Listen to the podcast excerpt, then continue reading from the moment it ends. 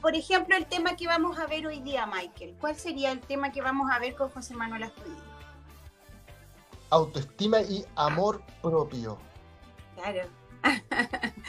si lo pasamos de alto, yo creo que muchas veces así en el tema emocional, ¿ah? También, mm. eh, o como con la familia, qué sé yo, ¿no es cierto? Mm. No sé. A mí me nace al tiro inmediatamente una duda. José Manuel, ¿autoestima y amor propio es lo mismo?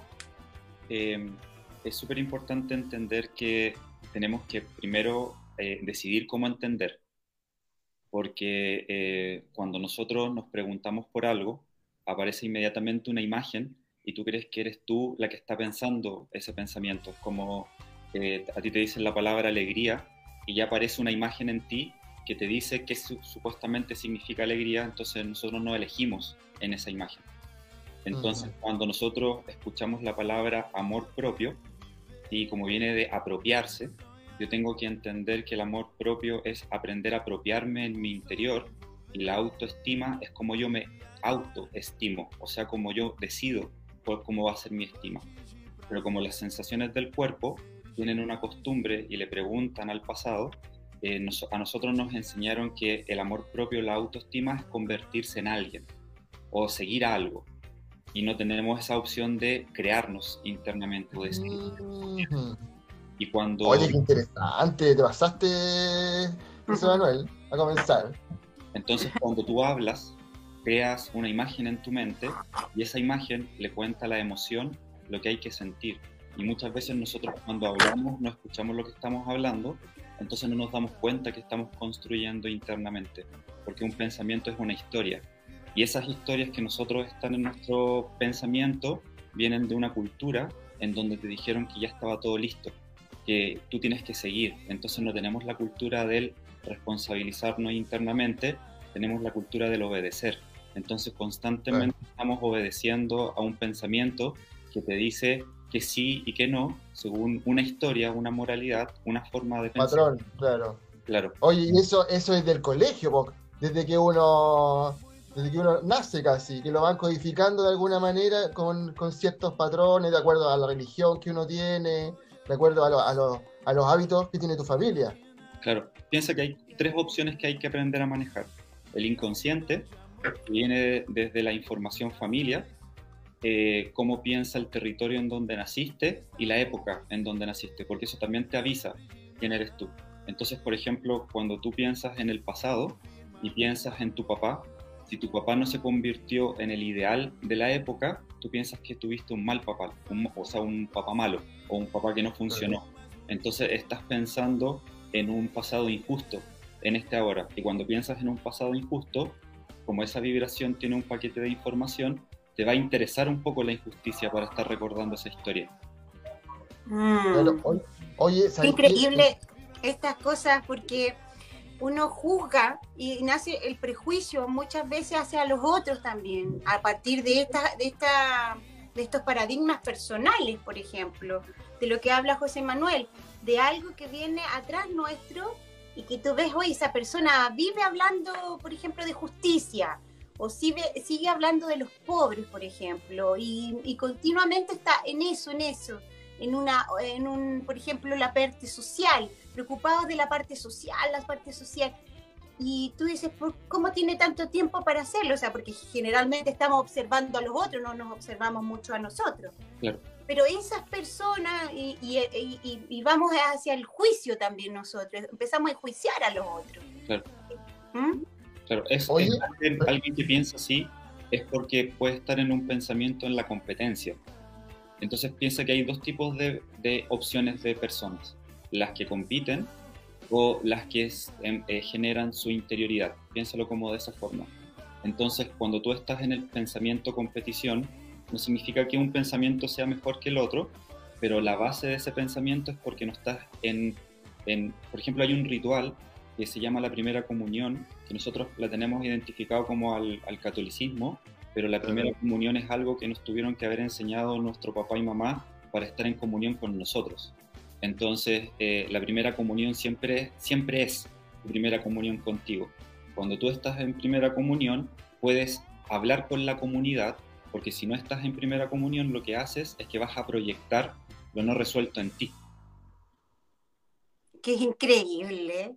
Oye, una pregunta antes de que, ¿sabes qué? Súper, súper potente la información. Me gustaría saber, José, José Manuel, cómo qué te llevó a, hacer este análisis un poco, como antes de eh, alguna situación que te trajo a, tu vida, alguna experiencia que te, que te llevó a, estudiar este tema.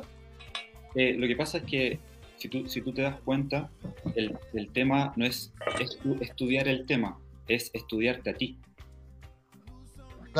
En todo, en todo lo que tú estás haciendo, en lo cotidiano que tú estás haciendo, en verdad tú estás haciendo tú, no estás haciendo lo otro.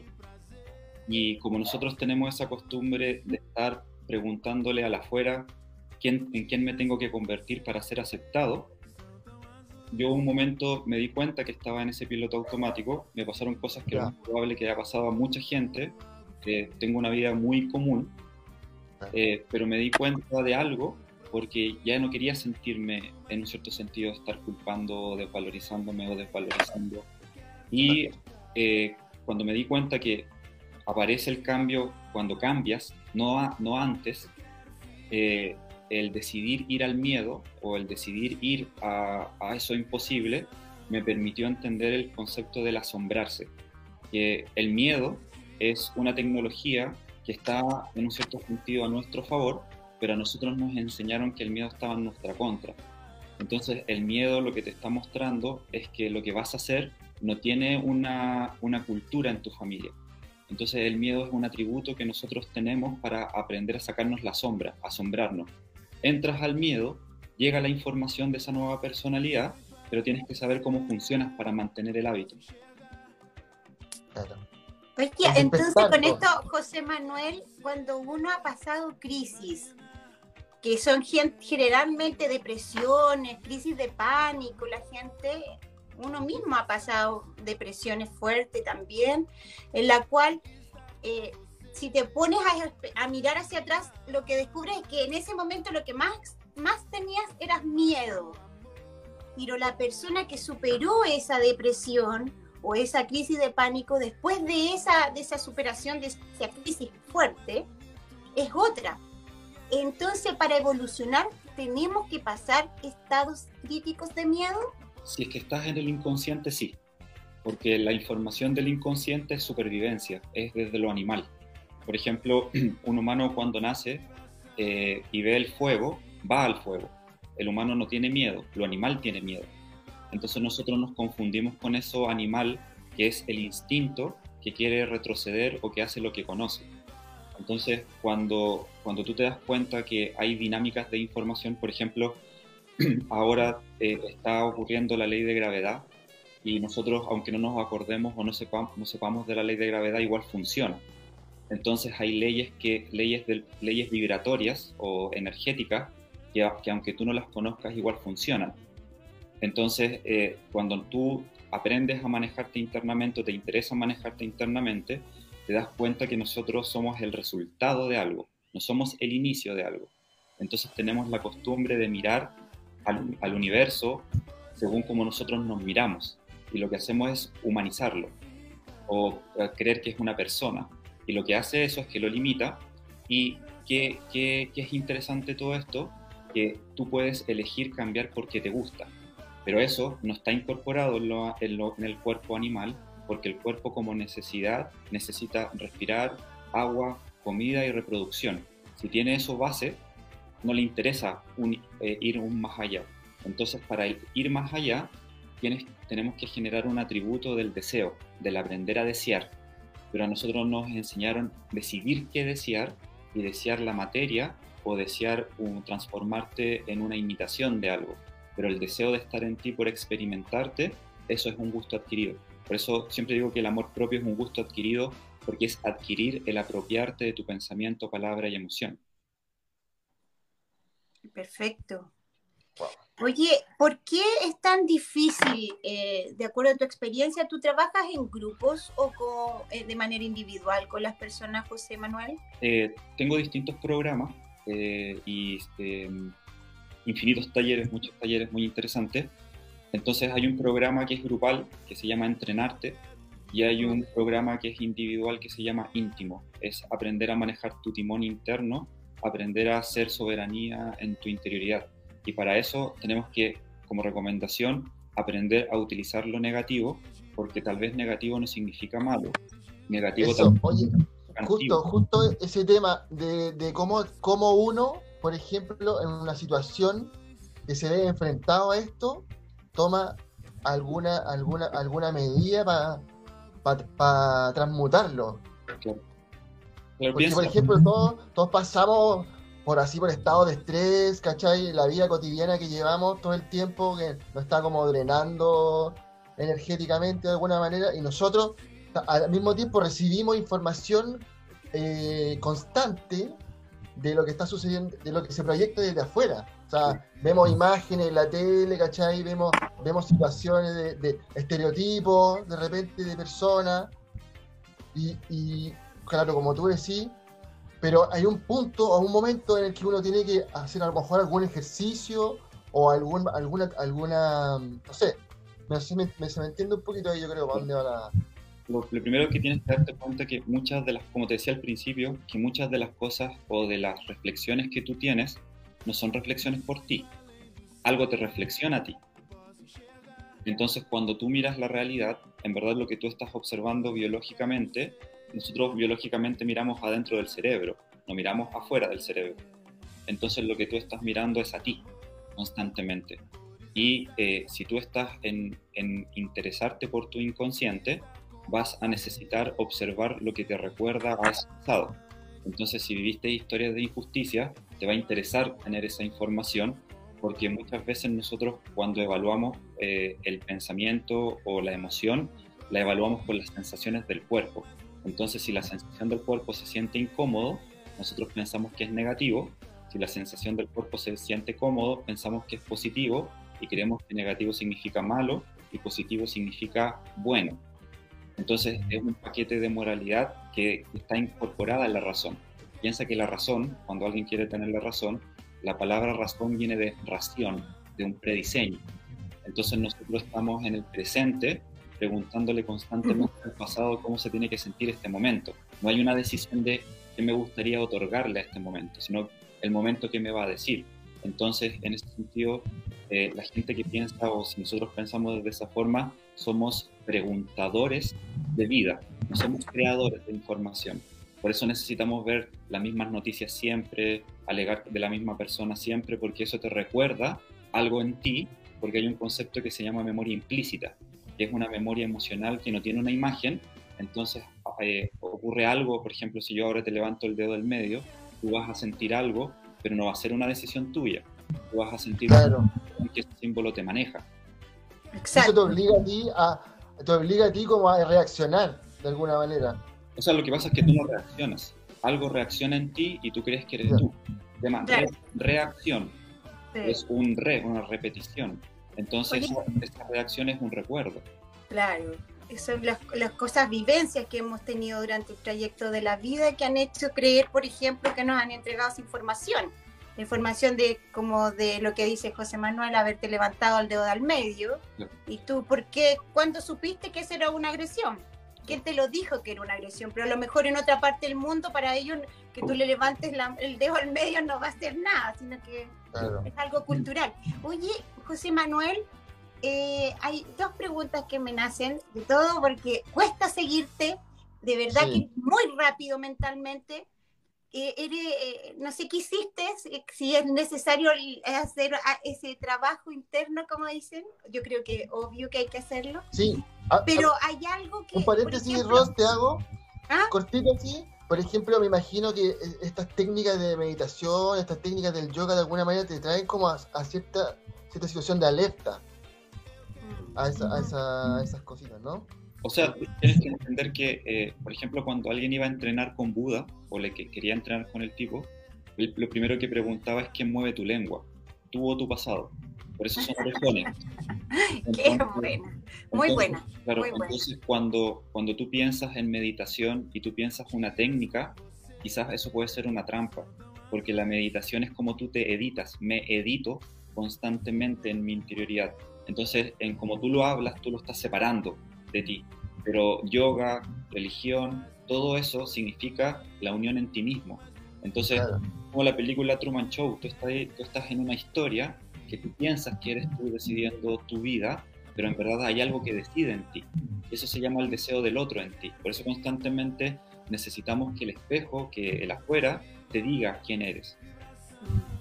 Oye, y el espejo o el que está afuera, el adiestrador, en este caso del que debiéramos estar hablando, esa persona de afuera puede manejar y hacer magia, por ejemplo, con el que está dentro o con el real. Es decir, hacer cambios reales de, por ejemplo, de que las cosas te resulten mejor en la vida, que de verdad eh, él cree un personaje que tenga otra, no lo que venía pensado. Eh, piensa lo que cuando yo hablo del concepto del afuera, lo que estoy hablando es de tu cuerpo. Tu cuerpo está fuera de ti. Mm. Tu identidad está fuera de ti. Entonces, cuando pensamos en es como el, bien, bien, bastante budismo ahí, ¿eh? bastante budismo del vacío y, O sea, lo que pasa es que el budismo, es explicado según, un punto de vista, pero los incas también lo explican, los lo explican, todo, lo explican, sí. Entonces, el, tema no es que sea budismo, es tal vez un manual de cómo funcionamos para crear lo que queremos. Y ese, ese, estas eh, como varias teorías que existen hoy en día, cristianas, espirituales, de todo tipo, han tratado de manejarlo a su manera, de ir abordando todos estos pensamientos, buscando que todos piensen de la misma manera. Y en el fondo hace más que nos perdamos también, ¿no, José Manuel? Eh, yo creo que el que se pierde es el que se quiere perder. No, no, existe que alguien te va a hacer perder a ti si es que tú no tienes las ganas de perderte. Es como el arte cambia a las personas, pero si las personas quieren cambiar. Por eso tal vez decía, yo le doy info a los que tienen sed, no a cualquiera.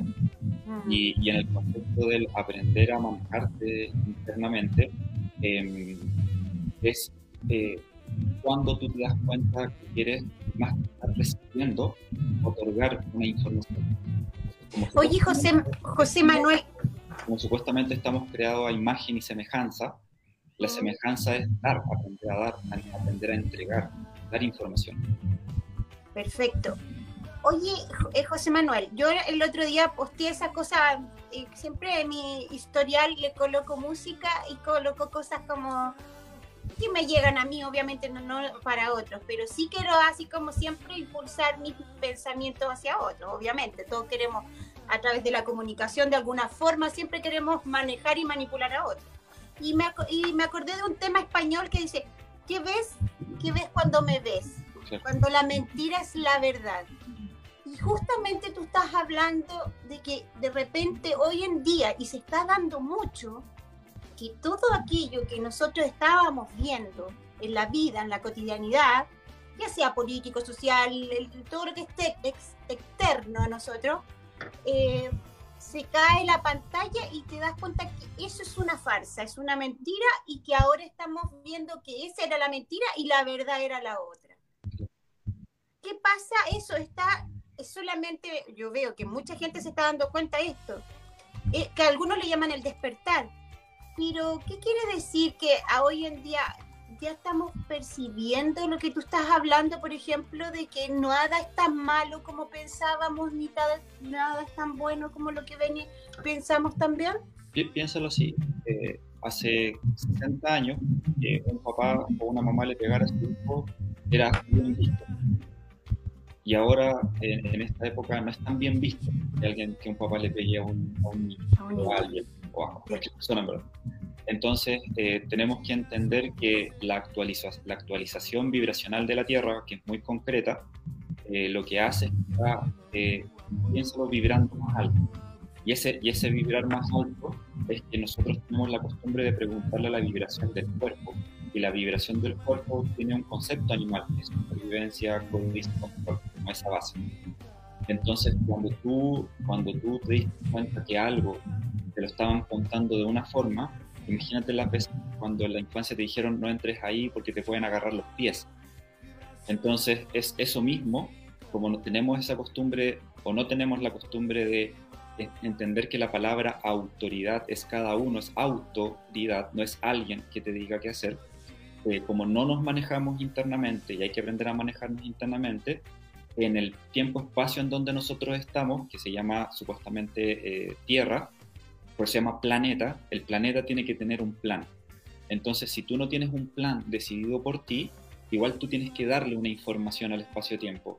Y eso se lo da tu inconsciente. Entonces, cuando tú comienzas a entrar en ti, empiezan a abrirse secretos, empiezan a mostrarse información, pero era en verdad, o sea, lo que tú considerabas que era verdad y después era mentira, era la opción que tú elegías como personalidad para no hacerte cargo de ti. Entonces, si tú estás en el pensamiento, eh, por ejemplo, de desvalorización, muy vibracionalmente y científicamente te van a llegar ideas que son coherentes a la desvalorización. Entonces, para que esa desvalorización ocurra, hay un proceso que se llama eh, amo-esclavo. Entonces necesitas responsabilizar a alguien, necesitas eh, que esa sensación del cuerpo exteriorizarla y lo que hace eso es que constantemente estás dando la misma respuesta. Y si das la misma respuesta, es la misma vida. Eh, cuando tú te da, cuando tal vez eh, aparece algo incómodo, porque tenemos esa costumbre de cambiar por dolor y no por gusto, cuando ya te duele mucho y ya no hay una opción y, es cuando el cuerpo ya se siente sobrepasado, piensa que ahí te entró un poco más de espíritu.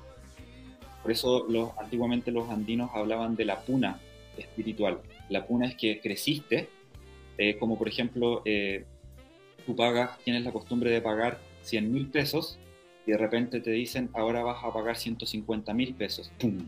Y aparece una idea que se aprieta y te dice, tú no vas a lograr eso porque tu cultura te dijo que tú pagar 150 mil pesos es difícil, entonces sientes un estrés, una angustia.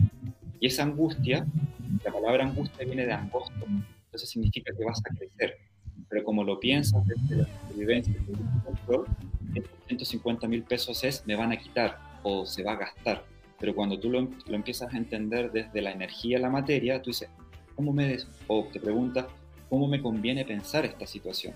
Entonces tú cambias el proceso interno del pensamiento, decidiendo lo que te conviene pensar para administrarte emocionalmente y en esa administración emocional, cuando mientras más tú te administras emocionalmente, más en un cierto sentido Dios eres en ti misma.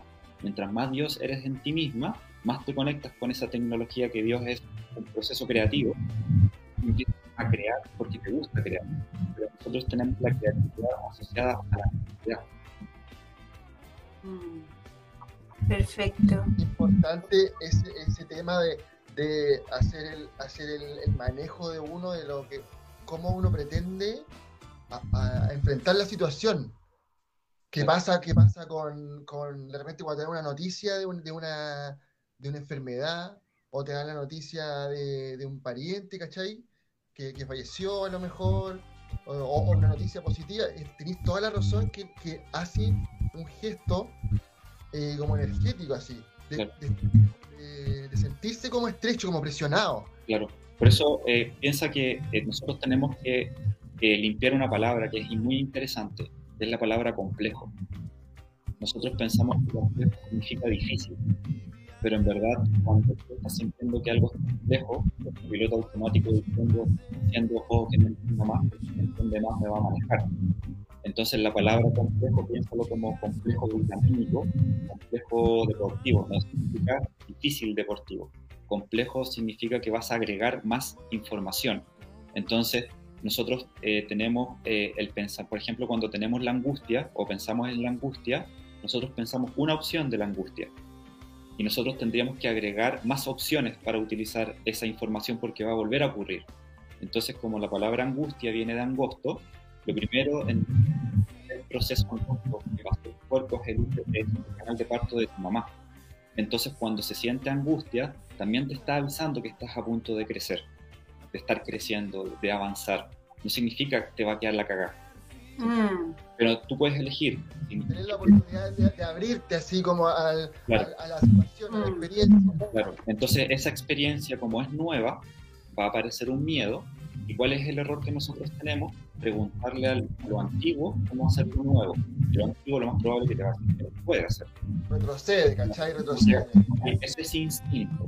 Y el instinto retrocede. Nosotros tenemos que aprender a transformar el instinto en intuición.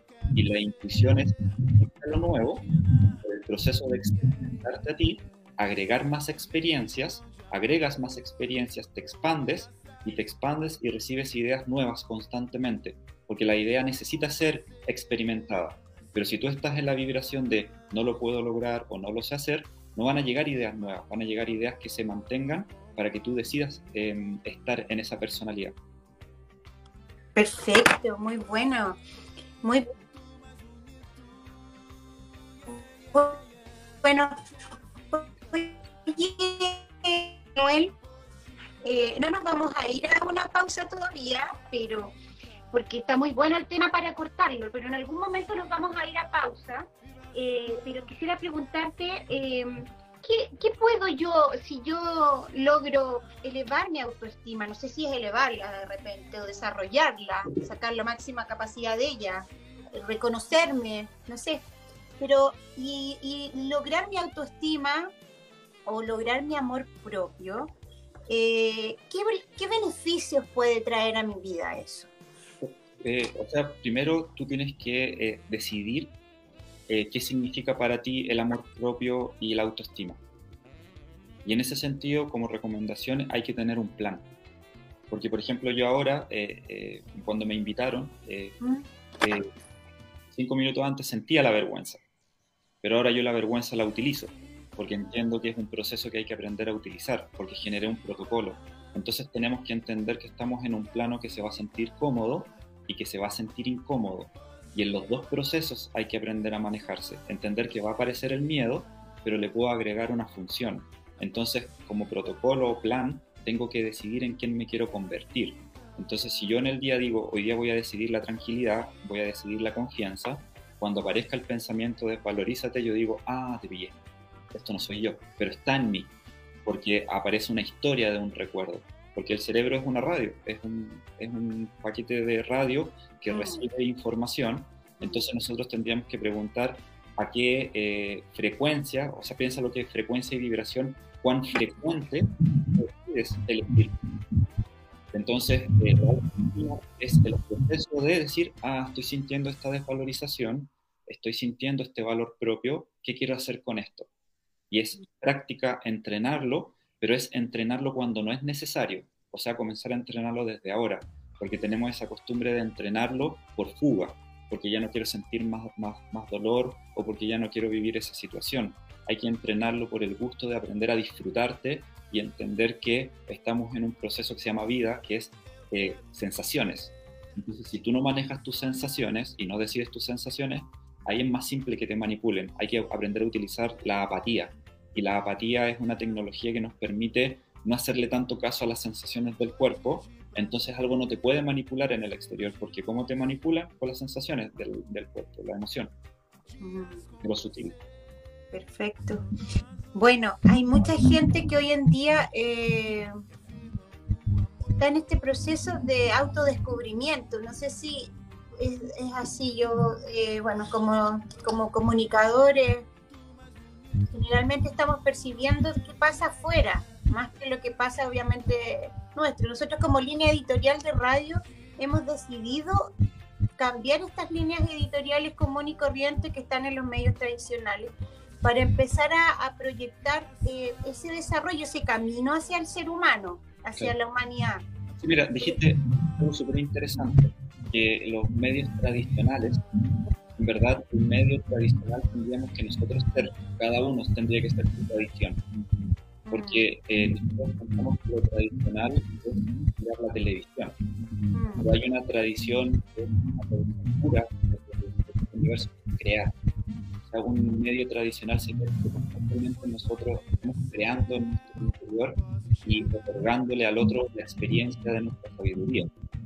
Pero ¿qué pasa? Que eh, como estamos en, en, un proceso que tal vez se puede llamar eh, el año 2022 gregoriano, eso te cuenta qué tienes que observar para supuestamente estar al día.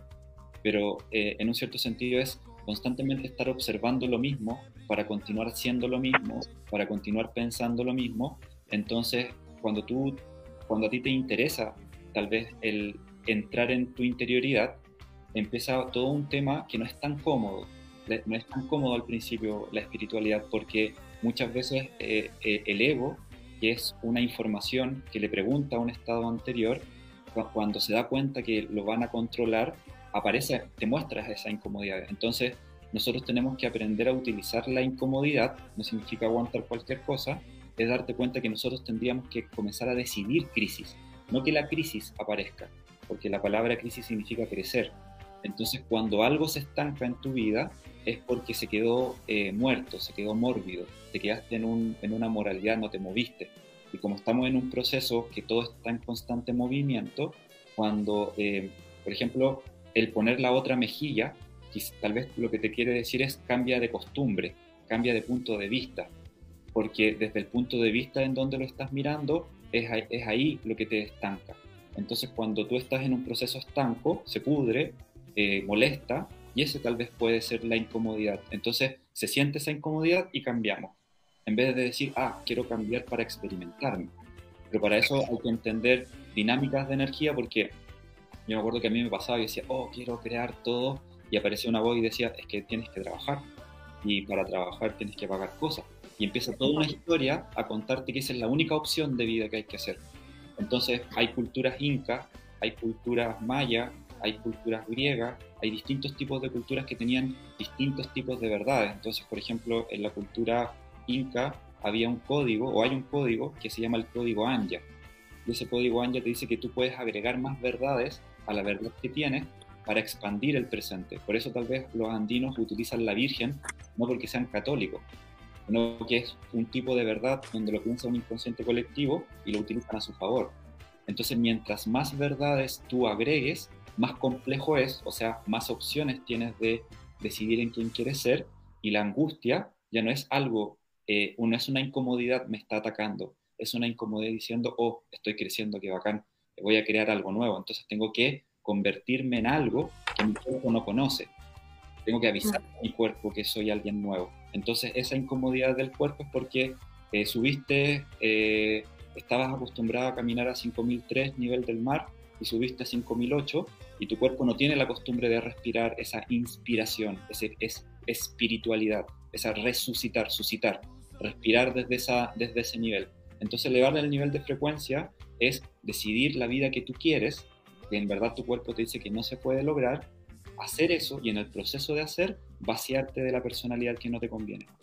Exacto. ¡Ay, qué lindo! ¡Qué bonito! Suena, bonito, pero creo que es difícil, José Manuel. No sé por qué. No yo creo que toda tarea y todo trabajo no es fácil. Entonces, para algunos, em, a mí me cuesta seguirte el hilo, tengo que ser bien franca siempre me costó desde que te conocí, pero sí siempre, eh, eh, porque soy lento, no, me gusta deducir mucho las palabras, soy como del lenguaje finalmente. Eh, algo, algo debo tener atrás que, me está perjudicando, pero me, la gente, a mí me gustaría que todo el mundo pudiera entrar en, esta, en, este, en este tipo de vorágine existencial personal para poder empezar a reconocerse, eh, que la gente pudiera, como hoy en día que nos pasó esta, esta pandemia horrible que vino y que para algunos yo decía pandemia, para otros decían no, que era pandemia. Definitivamente, como hubiese sido, vino a hacer cambios conductuales en las personas y, a sacar como cosas también que teníamos muy como ir a trabajar y pensar que el trabajo era todo, todo, todo en la vida. Y, de repente te sacan el trabajo, te sacan todo, te, te, ponen en un lugar donde tú tienes que reinventarte nuevamente. Y muchos lo lograron. Muchos hoy en día hay muchos emprendimientos. palabra, Ruth, justo ¿Mm? que tú estabas comentando y sumándolo a lo que decía José Manuel de reinventarse, que es ciertamente también una oportunidad de, tener una perspectiva nueva de los sucesos de tu, de tu vida. O sea, salir del, de la estructura del, temor y, un valor, ¿ah? considerarlo, en las situaciones que te van ocurriendo en la vida cotidiana. Claro, lo que pasa es que no te va ocurriendo algo, tú eh, estás sintiendo algo. Ya, claro. Entonces, Oye, el, lenguaje, uno, ahí uno se atrapa con el lenguaje, ¿ah? Entonces, en el, sentir, eh, nosotros pensamos que cuando estamos sintiendo somos eso. Entonces, eh, tenemos que entender que el miedo no es una información que está en tu interior, sino que es una información que tú imitaste de un símbolo de una cultura. Mm. Entonces, el reinventar significa inventar, crear, no significa copiar. Entonces, nosotros creemos que reinventar significa a ver a quién le está funcionando para copiar lo que hace la persona. Pero el reinventar es constantemente estar inventándote, creando. Inventar no significa mentir, inventarte. Y en ese inventar, experimentarte en esa novedad, en eso nuevo. Eso es original, ser originario, autoridad, autor. Yo creo el libro interno. Entonces, cuando, cuando em, nosotros creemos que reinventar significa cambiar de trabajo o significa eh, cantidad de dinero, entonces lo que tal vez le recomiendo a las personas es que en verdad todos estamos en el proceso. No hay, nada, no hay alguien que no esté en el proceso, porque no significa convertirte en alguien distinto a lo que eres, sino que es pensar distinto a lo que eres. No es ir a un, a un templo budista o ir a la selva, es en el proceso cotidiano darte cuenta que eso cotidiano, comenzar a que te guste. Hoy día, por ejemplo, escuchar lo que estoy hablando. Cuando decido ahora escuchar lo que estoy hablando, si es coherente con lo que quiero hablar, entonces de repente digo, o alguien dice que quiere que le salga un trabajo. Entonces yo escucho esa palabra y digo, no, pues no quiero que me salga, yo quiero obtener. ¿Por qué quiero que salga algo? Si salir no significa obtener. Ya en ese concepto de estar escuchando eso, hiciste espiritualidad, porque manejaste tu espíritu. lo más espíritu, si se puede decir que nosotros tenemos pensamiento, palabra y emoción. Entonces, tal vez hay, por eso hay tantas culturas que muestran la lengua, hay tantas culturas que eh, te hablan de la palabra, de la abra, abracadabra, una palabra tuya bastará para sanarme. Eh, en ese sentido, nosotros tenemos que aprender a inventar qué queremos pensar. Lo que tú hablas es lo que piensas. Entonces, apropiarte de tu amor y autoestimarte es darte cuenta que hay procesos que son cómodos, incómodos, y hay una cultura que te dice supuestamente cómo vivirlos o desde dónde vivirlos. Entonces, cuando tú observas una pandemia, hay culturas que te dicen que hay que honrar padre y madre. Y honrar padre también puede significar honrar tu palabra, y honrar madre significa honrar lo que ocurre. Entonces no es estar en contra de algo, es preguntarte cuál te conviene o desde dónde te conviene pensar para lo que tú quieres lograr. Entonces no es criticarlo uno lo otro, es aprender a utilizarse en cada proceso. Entonces cuando tú aprendes a utilizarte en cada proceso, tú creas suerte. La suerte es como el momento estuvo a mi favor. Entonces si yo me doy cuenta que el proceso que estoy viviendo eh, es una forma en donde yo puedo aprender a manejarme, aunque sea intenso, aunque tu pensamiento te diga es difícil, lo que sea, es arriesgarte a eso. Quizás ahí podemos anclar un mito que es Aladín, que el tipo cuando se lanza aparece la alfombra, si no se lanza no aparece la alfombra. Entonces, como tenemos esa costumbre de creer que somos nuestros sentidos y lo que, lo que es tangible es la materia, cuando queremos hacer eso nuevo es inventarte en el, en el recorrido, pero aún nosotros pensamos por lo que vamos a obtener, a qué, qué vamos a obtener y no qué voy a otorgarle a este momento. Entonces, como yo sé que tal vez me voy a convertir en un pasado de algo, de alguien, me voy a convertir en un ancestro, yo digo, mira, me gustaría sembrar esta nueva información en donde el vacío también es seguro, el vacío o lo que no se ve también eh, tiene una confianza. Por eso la fe es como eh, confiar en algo que supuestamente no se es. Y la fe es el proceso de aprender a confiar en, tú, en lo que no conoces aún de ti. Ok, como el vacío. bonito. bonito esto de, pensar que, de, tirarse a la galaxia, así como, ahí? A lo que venga. De tener confianza, de tener la fe. Claro, la seguridad de que en el fondo está para, para crecer. Exacto, y de que alguna, alguna, algo eh, está en ti que se va a desarrollar de alguna forma, querámoslo o no. Lo, hacemos cotidiano, por eso la gente ve las noticias. Es algo que te dice que tienes que pensar hoy día. eh, la, Instagram es algo que te dice, ¿por qué? Porque tú cuando eras niño o niña, tal vez tu mamá te prometió algo, te dijo el domingo vamos a un lugar y de repente vio la televisión y dijo, no, la televisión dijo que hoy día no podemos ir a ese lugar porque dijo que hay algo malo. Entonces tú observaste eso y dijiste, televisión manda a mi mamá, entonces televisión dice la verdad. Pero te está contando un tipo de historia, un tipo de información. No es una verdad absoluta, nada es absoluto, es un tipo de información. Entonces tú, si te interesa vivir esa información, elegirla, porque no es mejor ni peor que otra, y ya sabes cuál es la consecuencia o la secuencia de estar en ese paquete de información que se llama eso, porque la, palabra fama viene de familia, y familia viene de un concepto que se llama esclavitud, familus. Entonces hay cierto tipo de interés que le interesa al cuerpo, y es un placer momentáneo. Constantemente estamos eligiendo el placer momentáneo del cuerpo. No tenemos la costumbre de crear placer. No nos enseñaron a crear placer, nos enseñaron a seguir una sensación del cuerpo que se siente rico y que supuestamente eso te dice que eso es lo que tú tienes que lograr o eso es lo que tú tienes que obtener. Entonces, las preguntas que nosotros hacemos es, eh, ¿qué voy a lograr? ¿Qué voy a tener? ¿O qué voy a sentir? ¿O cómo lo hago? ¿O qué tengo que hacer? Pero no tenemos la pregunta en quién me quiero inventar, en quién me quiero construir, en quién me quiero experimentar. Oye, José Manuel, em, yo cuando te escucho ahora hablando, por ejemplo, esto de, esto de de la tele, de, la hija y todo esto, y de las redes sociales. En, definitiva, por ejemplo, hoy en día...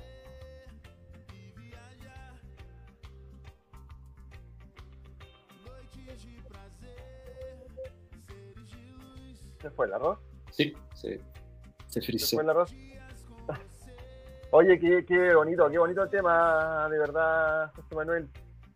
Me gustaría, a lo mejor, ¿tienes algún, alguna alguna información nosotros que podamos como leer, algún autor que tú haya, que te haya como inspirado también en, este proceso? Mira, eh, puedes investigar mucho, hay mucho, de, mucha info, pero el tema es que si lo sigues observando desde la misma persona va a ser lo mismo. Entonces, piénsalo ah, perfecto. Piénsalo ah, la solución, claro, esto mismo es. Por eso la, piensa que hay una frase que dice, si quieres agregar...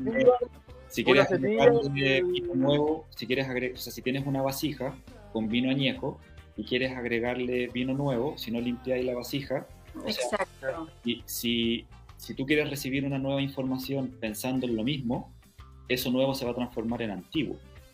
Entonces, por ejemplo, esta semana cumple una palabra que tu piloto automático te dice que no se puede cumplir en ese proceso de estar cumpliendo la palabra te vas a dar cuenta esas sensaciones que te van a decir, no lo vas a lograr porque no te va a alcanzar, no lo vas a... Y tú dices, ah, esto no soy yo, ya, voy a hacer eso nuevo, hago eso nuevo y ahí me compro cualquier libro y voy a entender esa experiencia. Oye, eso, ¿me escuchan ahora o no? Porque me, me había ido. Eso mismo, José Manuel, ¿cuál es la estrategia que ocupas tú en, eh, en los talleres? ¿Cuáles son las estrategias como para poder hacer que las personas logren eh, llegar a eso, esa internalidad personal, no sé cómo decirlo, pero de volver a encontrarse con su yo interno. ¿Cuáles son tus? Eh, más que estrategia, es, eh, piensa lo que es como una forma de pensar en donde hay opciones. Porque como constantemente cada uno de nosotros atraemos lo que atraemos por lo que vibramos, yo me anclo a la posibilidad de que eh, una de las estrategias que tengo es que todos entiendan. Cualquier persona entiende, aunque crea que no está entendiendo. Claro. Y que, La, y que la espiritualidad es para todos y es cotidiana, no, no es como sectorizar, porque tenemos mucho ese tema de estar sectorizando. Ya. Me recordé una, me recordé una historia de los, de, como de, los monjes zen que, que, que, se te pillaban porque tú desconcentrado, te daban, te daban con una con una vara, con una espada de madera. Que en el fondo es como traerte al momento, ¿cachai? Traerte a la situación presente, vivirla, analizarla y, tratar de sacarle la mejor, la mejor información posible, enfrentarlo de la mejor manera.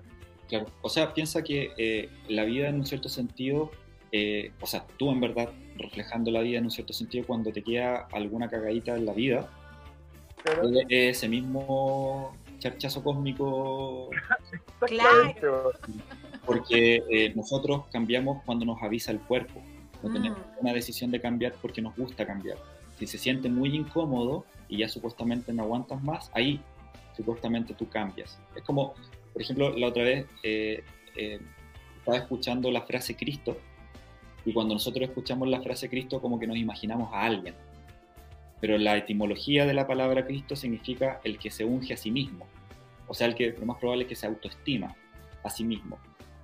Entonces, cuando tú escuchas antes de Cristo y después de Cristo, la recomendación es que nosotros escuchemos para aprender a utilizarlo en el cotidiano. O sea, la espiritualidad tiene que tener una lógica habitual, cotidiana, para que tu cerebro izquierdo diga, ah, es verdad, sí funciona. Entonces, eh, ahora yo explico el antes de Cristo y después de Cristo es cuando estaba ahí en piloto automático, antes de Cristo, y cuando comienzas a autoestimarte, ahí estás en Cristo. Oye, ¿esto no tiene que ver, José Manuel, con la conciencia? O sea, es que lo que pasa es que todo es conciencia. Todo, todo, es, todo es todo. El tema es que nosotros nos confundimos con la experiencia del cuerpo. Pero el antes de Cristo es cuando, para mí, antes de tener conciencia y después de Cristo es cuando ya tú tienes la conciencia, ¿o no? Lo que pasa es que piensa que eh, el, mito es que Jesús, algo humano, se transformó en divino. Mm. Entonces tú entraste, hablemoslo como mitológicamente, tú entraste a tu cuerpo y tu cuerpo te dijo, olvídate de ti y recuerda lo que te enseñamos, lo que te enseñó papá y mamá. Y en ese proceso de vida, tú eh, comienzas a aprender a utilizar el olvido y aprender a utilizar el recuerdo. Entonces, eh, en un cierto sentido, nosotros estamos, que siempre, o sea, nosotros sí o sí vamos dirigidos a la vibración, a lo sutil. Por eso todo se está sutilizando. Ahora la gente ya paga con tarjeta, que es más sutil que el oro, que la materia. Entonces, como todo se está sutilizando, por ejemplo, antiguamente quizás nos teníamos que juntar físicamente y ahora estamos en una metáfora psíquica que se llama Internet.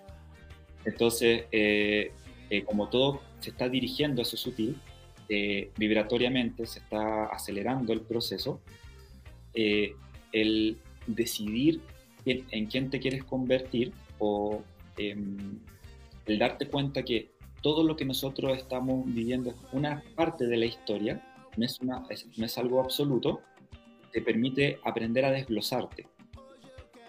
Porque, por ejemplo, yo puedo sentir ahora la vergüenza, pero entiendo que no soy la vergüenza. Entonces, eh, como entiendo que no soy la vergüenza, puedo comenzar a decirle a la vergüenza qué quiero hacer con la vergüenza. Pero si tú crees que eres la vergüenza, te controla esa información.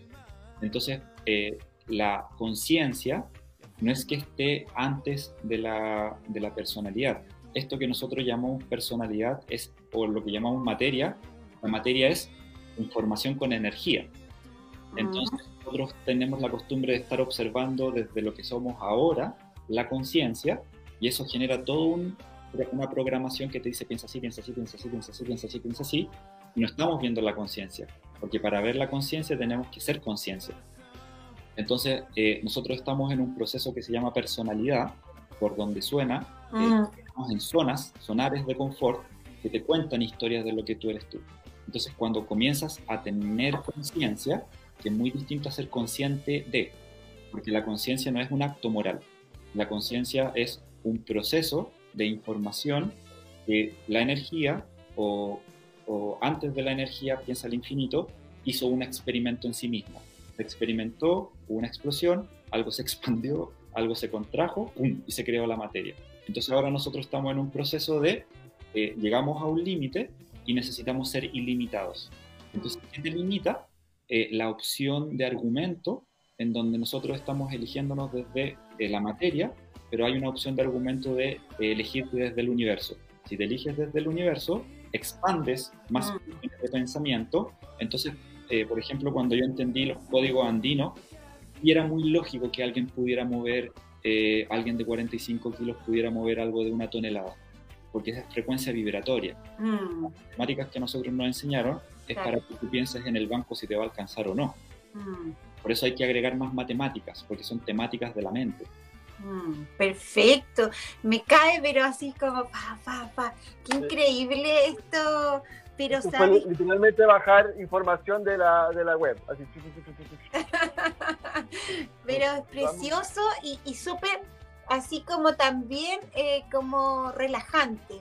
Relajante, ¿por qué? Porque como que te saca esa, esa de, que de repente te, te, ves envuelto en este, en este sistema como eh, que te están mostrando miles de cosas y tú quieres, y tú te ves involucrado de alguna forma en eso, pero ese no eres tú. es, es, el argumento. Nosotros tenemos mm. que aprender a argumentarnos. Por ejemplo, alguien que se levanta a las 5 de la mañana, depende del argumento, es el nivel de ánimo. Piénsalo así, autoestima. Mm. Entonces, si se levanta a la mañana y tiene que trabajar y en un lugar que no le gusta, se va a autoestimar con flojera. Oh, qué lata, voy a... Pero si te dicen, oye, si te levantas todos los días por un mes a las 5 de la mañana y te regalamos 5 millones de dólares, ese argumento te interesa, te autoestima. Mm. Entonces nosotros tenemos que aprender a crear eh, argumentos internos para decidir ese sentir, porque el sentir le pregunta al intelecto y el intelecto en teoría te pregunta a ti. Pero como no estamos en ese cuerpo y está el inconsciente, el inconsciente le pregunta lo que le dijeron, que mm. tenía que pensar. Entonces constantemente estamos hablando lo mismo, pensando lo mismo, sintiendo lo mismo, preguntándole al pasado, entonces somos muy ortodoxos de nosotros. Y, ahí empieza a culpar al otro, el responsabilizar a alguien, el por qué, porque entonces cuando nosotros escuchamos, por ejemplo, cambio climático, inmediatamente nos imaginamos algo malo, pero también puede ser una forma muy hermosa de aprender a darnos cuenta que el clímax, el clímax de algo es lo que tú emanas. Mm. Una ciudad es, lo que habla la persona que vive en ese, en ese territorio. Mm. Claro, y que puede ser también un proceso maravilloso como lo es cuando llueve y para algunos es mal tiempo. Oye, eh, también, porque ya estamos pasados la hora, pero yo no quisiera hablar de remontando a los superhéroes, porque sé que me vas a decir que estoy siguiendo con ese parámetro.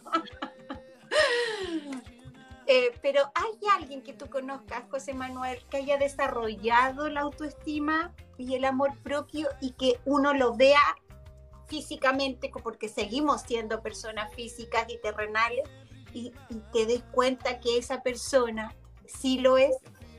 Eh, sí, varias personas. Ya, y, nosotros no las conocemos esas personas, ¿cierto? Eh, sí, lo más probable que sí porque en verdad es cada vez que yo veo a alguien, eh, digo que esa, persona, que esa persona es, o sea, yo te estoy mirando a ti y no existe un especial en el sentido de, eh, porque si no empiezas a comparar. Mm. Y cuando empiezas a comparar, empiezas a imitar. Y nosotros tenemos que entender que eh, nosotros tenemos... Es un proceso personal. Claro, es íntimo, mm. personal, es original, no es comparativo. Ese es el Exacto. Pero ¿podrías decirme alguien que nosotros conozcamos que sea así? No porque nosotros queramos seguir ese camino, porque sabemos que es personal e individual, pero que tú percibes que esa persona sí es, ha desarrollado su autoestima. Sí, mira, yo admiro mucho a muchos amigos y una, de mi, una amiga que admiro mucho es la Katy, Caterina Seriani, que es la, ah. la creadora del Centro Completitud. Ya, ya. Para, mí, para mí ella es eh, pura divinidad, como, pero una divinidad cotidiana que podemos estar tomándonos un vino y disfrutar y reír y solucionar temas, conflictos, porque eh, es una admiración porque yo cuando la, la conocí me pasó un cambio importante. Es como cuando tú dices, ¿cuándo fueron situaciones que cambió tu cosas?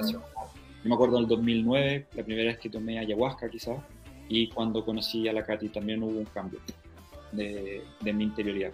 Creo que ella es una... vienen, con otros códigos y de alguna manera te, descargan los, archivos así de...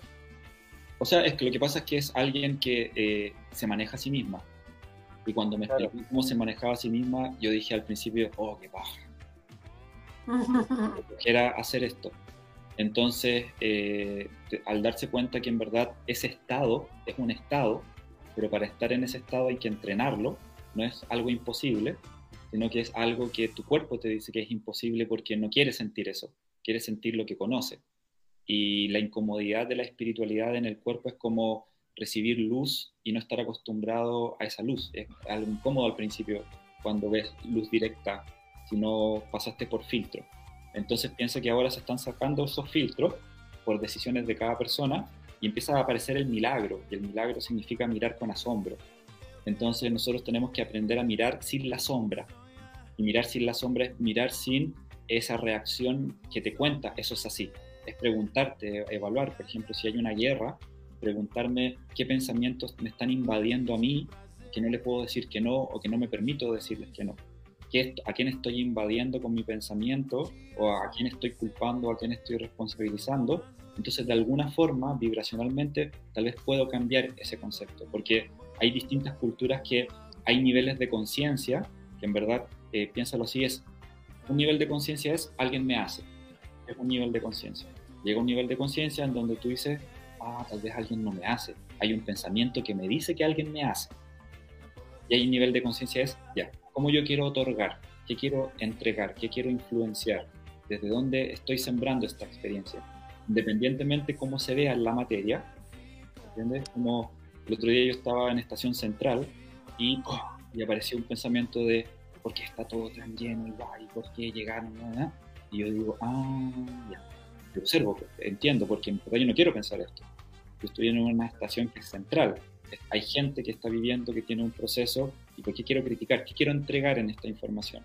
Entonces ya, me voy a calmar, voy a disfrutar y cambia ese concepto de la realidad porque lo decidiste tú. Exacto, qué bonito, qué bien, qué bien. ¿La magia está en esas personas también? Sí, piensa que la magia es aprender a manejarte internamente por decisión propia. Buena frase. Qué buena, qué buena. Estamos... de los magos. qué bien, José Manuel. Siempre un placer, siempre feliz de escucharte, de abrir nuestras neuronas, de ejercitarlas, porque me duele la cabeza, me duele aquí. Hay que verlo como dos veces el programa, así que no se lo olviden, por ahí escucharlo. no, y seguirlo, acuérdense de, él hace esos cursos de instrucción y, de que te pueda ayudar a, hacer este, este proceso. El, el, lunes eh, dicto un taller gratis que se llama eh, Desde dónde te miras.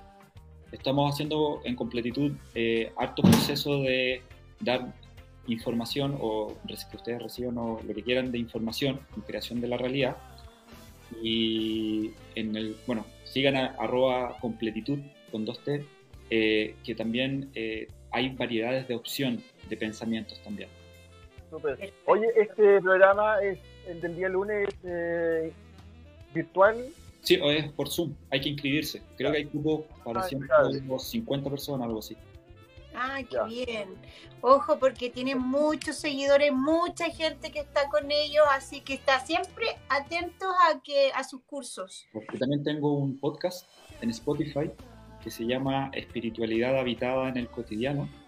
Y creo que hay como ah, 28 capítulos en donde explico y hablo o hablamos de el manejo interno, experiencias y cómo pueden utilizar algo. Porque esto que estoy contando es espiritualidad en el cotidiano. Perfecto. Interesante, son buenos los podcasts de Spotify. Sí, sí. Vale la pena, vamos a ver, vamos a escucharlo. Sí, pues. Qué bueno, oye, qué gusto. Qué bien, qué, qué bien. Gusto, qué buen programa, qué gran conversación y un trabajo que quedó ahí pendiente para nosotros también, ¿ah? O sea, con todo este tema. Sí, sí, porque. que vale la pena estudiarla. Sí, no. el estudio. Exacto, y lo más importante es que cuando el tema era autoestima y amor propio, todos quizás, o sea, es lo mío personal también, uno tiende a pensar otra, otra cosa, como pensar, oye, amate, quiérete, mírate al espejo, obsérvate, pero todo así desde una manera muy, muy por fuera. Claro, Y esto tiene que ver con algo mucho más profundo, mucho más eh, filosófico también. Tiene que ver con algo que tiene que ver con la, vida de cada uno de nosotros de manera personal e individual. No tiene que ver con los reflejos de nada de afuera. Así que feliz y que de estas conversaciones, de este apoyo hacia nuestra comunidad también. A nuestro, recordemos que también nos escuchan fuera de Chile, así que mucha gente nos está escuchando fuera de Chile, entonces ellos también deben estar felices de poder estar atentos a este programa. Así que nos vamos feliz. Vamos, un gusto. Gracias,